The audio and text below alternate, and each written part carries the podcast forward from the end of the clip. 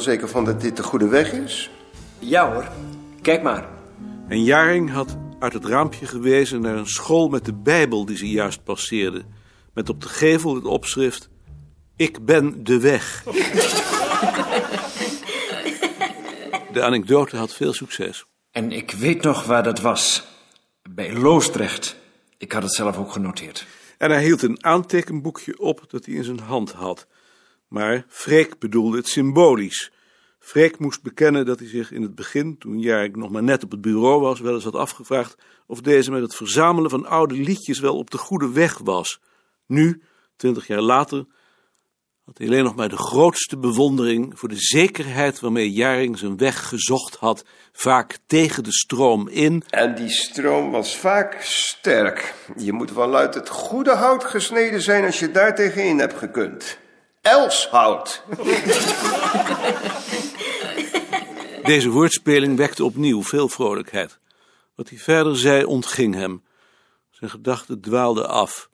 Hij voelde zich een ongewenste gast en vroeg zich af wanneer en waarom het tussen hem en Jaring mis was gegaan. Dat moest lang voor diens achterbakse optreden in het conflict met Rie geweest zijn, maar zonder dat hij zich dat bewust was geweest. Waarschijnlijk was hij de stroom waar Freek op doelde. Ook iemand die niet te beroerd was om gemene zaak te maken met ieder ander die een wrok tegen hem had. Terwijl hij daarover nadacht, voelde hij woede opkomen. Ze steeg naar zijn hoofd en hij moest zich beheersen om niet met zijn vuist op tafel te slaan en schande of zoiets te roepen. Half geamuseerd bij de gedachte aan de beroering die dat zou geven, dwong hij zichzelf tot aandacht. Er werd luid gelachen en vervolgens geapplaudisseerd. Freek bood Jaring een 18e-eeuwse prent van een rollenzanger aan die ze samen bij Emmering gekocht hadden. Het AP Beerta-koortje zong Jaring toe met een lied dat door Freek was geschreven en op muziek gezet. En tenslotte bedankte Jaring. Het is mij meermalen overkomen dat mensen met enige jaloezie opmerkten dat het toch wel een voorrecht is wanneer je in de gelegenheid wordt gesteld om van je hobby uh, je beroep te maken. Maar wie dat denkt, vergist zich. Ik heb wel hobby's, maar daar hoort mijn werk niet bij. Met hoeveel plezier ik het ook gedaan heb, ik, ik verheug me erop dat ik van nu af aan mijn schilderzezel kan neerzetten zonder de gedachte dat er werk op me ligt te wachten. Of dat ik aan de lenzen van mijn telescoop kan slijpen, die misschien wel nooit zal afkomen, maar waaraan ik meer plezier beleef dan aan welke andere bezigheid ook.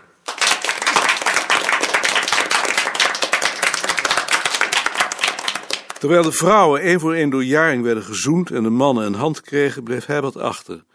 Tegen de tijd dat hij aan de beurt was, was zijn weerzin tegen deze man zo groot geworden dat hij zich afwendde en de collegezaal verliet. Van deze verrader wilde hij geen afscheid nemen.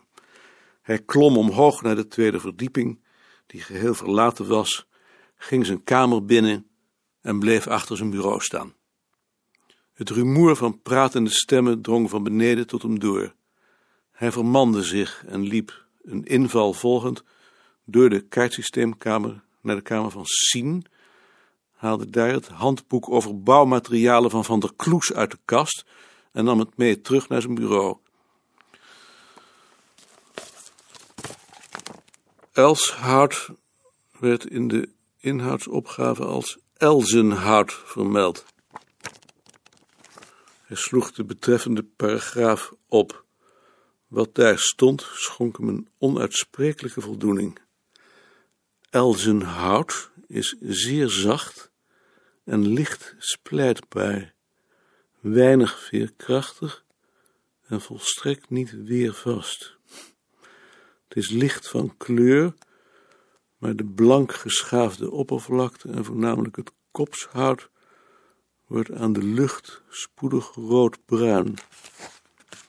Het wordt veel gebruikt voor sigarenkistjes. Zo was het. Freek had een kans gemist. Glimlachend keek hij op. De deur was opengegaan. Ik heb jou nog geen hand gegeven. Nee. We zullen elkaar nog wel eens zien. Je gaat nu weg? Alleen nog even mijn bureau opruimen. Dat ga je goed. Dank je. En het beste met je telescoop natuurlijk. Dank je. Die bedrieger die komt nooit weer. Die bedrieger die komt nooit weer. 1987. Rudolf Hess, plaatsvervanger van Adolf Hitler, pleegt op de leeftijd van 92 jaar zelfmoord in de Berlijnse Spandau-gevangenis. Zware ijzel houdt ongeveer 18 uur ononderbroken aan, waardoor het verkeer in Nederland volledig wordt ontwricht. Prinses Juliana en prins Bernhard vieren hun gouden huwelijk. In een televisieinterview neemt Juliana geen blad voor de mond en vraagt haar man hoe hij toch op het idee was gekomen met haar te trouwen. Ahol-topman Gerrit-Jan Heijn wordt door de werkeloze ingenieur Ferdi E. ontvoerd en nog dezelfde avond vermoord. Het veerschip de Herald of Free Enterprise met 459 passagiers aan boord kapseist kort na vertrek. 193 mensen komen bij de ramp om het leven. De Ier Stefan Roach wint de Tour de France. Jelle Nijdam, Nico Verhoeven, Adrie van der Poel en Erik Breukink winnen een etappe. Jean-Paul van Poppel wint er twee.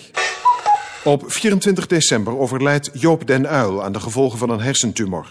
Joop den Uyl was lid van de Partij van de Arbeid en minister-president van Nederland van 1973 tot 1977.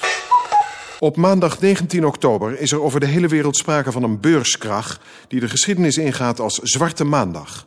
De index in Amsterdam daalt in één dag met 12 procent. 1987 is het jaar van perestroika en glasnost in de Sovjet-Unie. Aan de aanslag van regisseur Fons Rademakers naar het gelijknamige boek van Harry Mulisch wordt een Oscar voor de beste buitenlandse film toegekend. In Nederland is Henk Bernlef met zijn roman Publiek Geheim de winnaar van de eerste ACO Literatuurprijs. De jury van het theaterfestival besluit in 1987 geen prijs uit te reiken. De rondvraag. Lien. Nee. Joop. Wanneer krijg ik nou eens een eigen computer?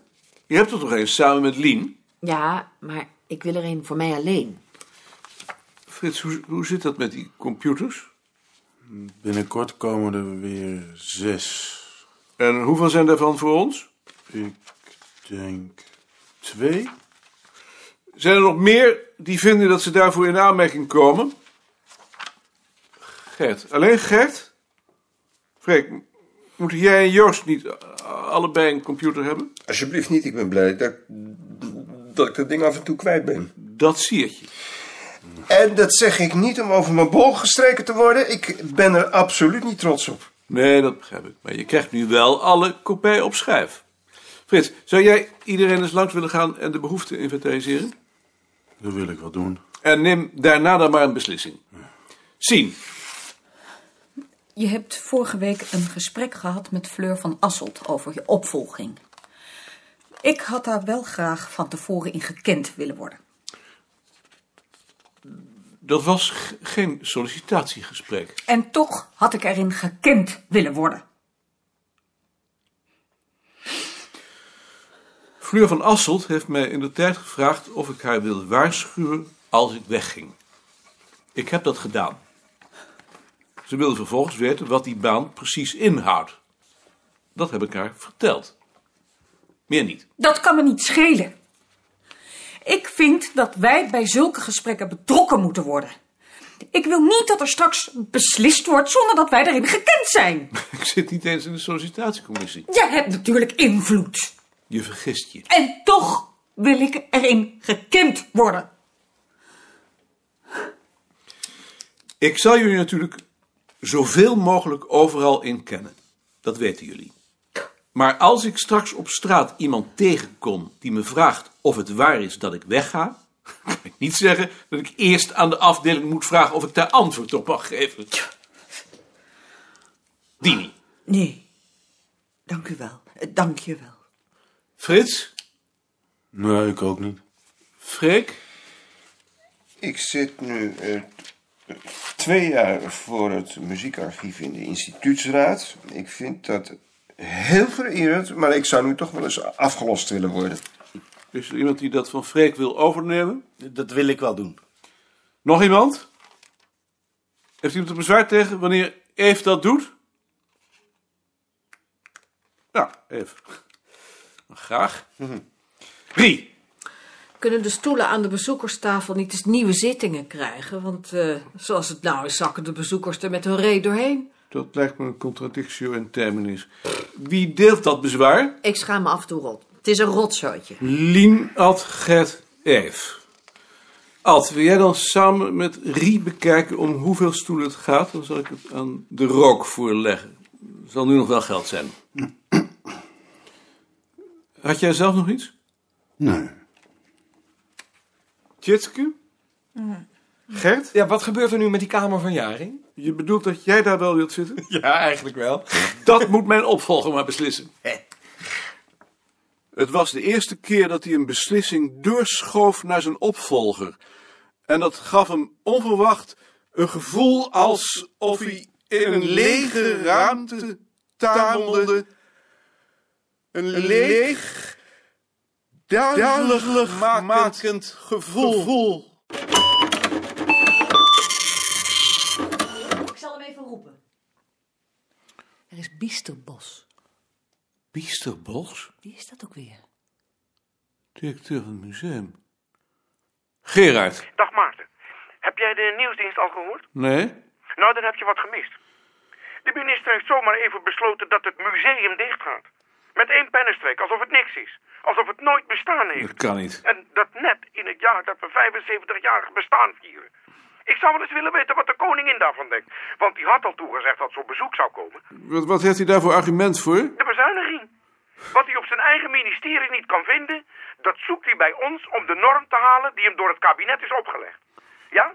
Liever de 120 medewerkers van het museum dan 120 ambtenaren van het ministerie. Maar ik neem het niet hoor, ik laat het er niet bij zitten. Als ze denken dat ik me zo gemakkelijk naar de slagbank laat voeren, dan vergissen de heren zich. Heb je het van de nieuwsdienst gehoord? Kijk, ik ben gisteren bij Cardozo geroepen, die heeft het me verteld. En, wat, wat En weet je wat hij ook gedaan heeft? Mij een spreekverbod opgelegd. Moet je je voorstellen. Dit is gewoon de Sovjet-Unie. Wat is het anders? Dus je mag mij niet eens opbellen. Nou, ik weet niet wat ik wel en niet mag, maar je denkt toch niet dat ik me daaraan houd. Een spreekverbod. Daarvoor is de vrijheid met de lief. Daarom hebben we toch niet vijf jaar gevochten om ons nu door ene meneer Cardozo de wet te laten voorschrijven? Kan ik iets doen? Nou, voorlopig niet. Het is nog te nieuw. Ik ga nu eerst nog even wat mensen bellen, maar je hoort toch van me. Graag. Sterkte. Dank je. Wat is er gebeurd? Het museum wordt gesloten. Het museum? Waarom? Bezuiniging. Bezuiniging? Maar dan hadden ze toch beter jouw bureau kunnen opheffen? Tuurlijk, maar dat is een ander departement. Bureau heffen ze niet op.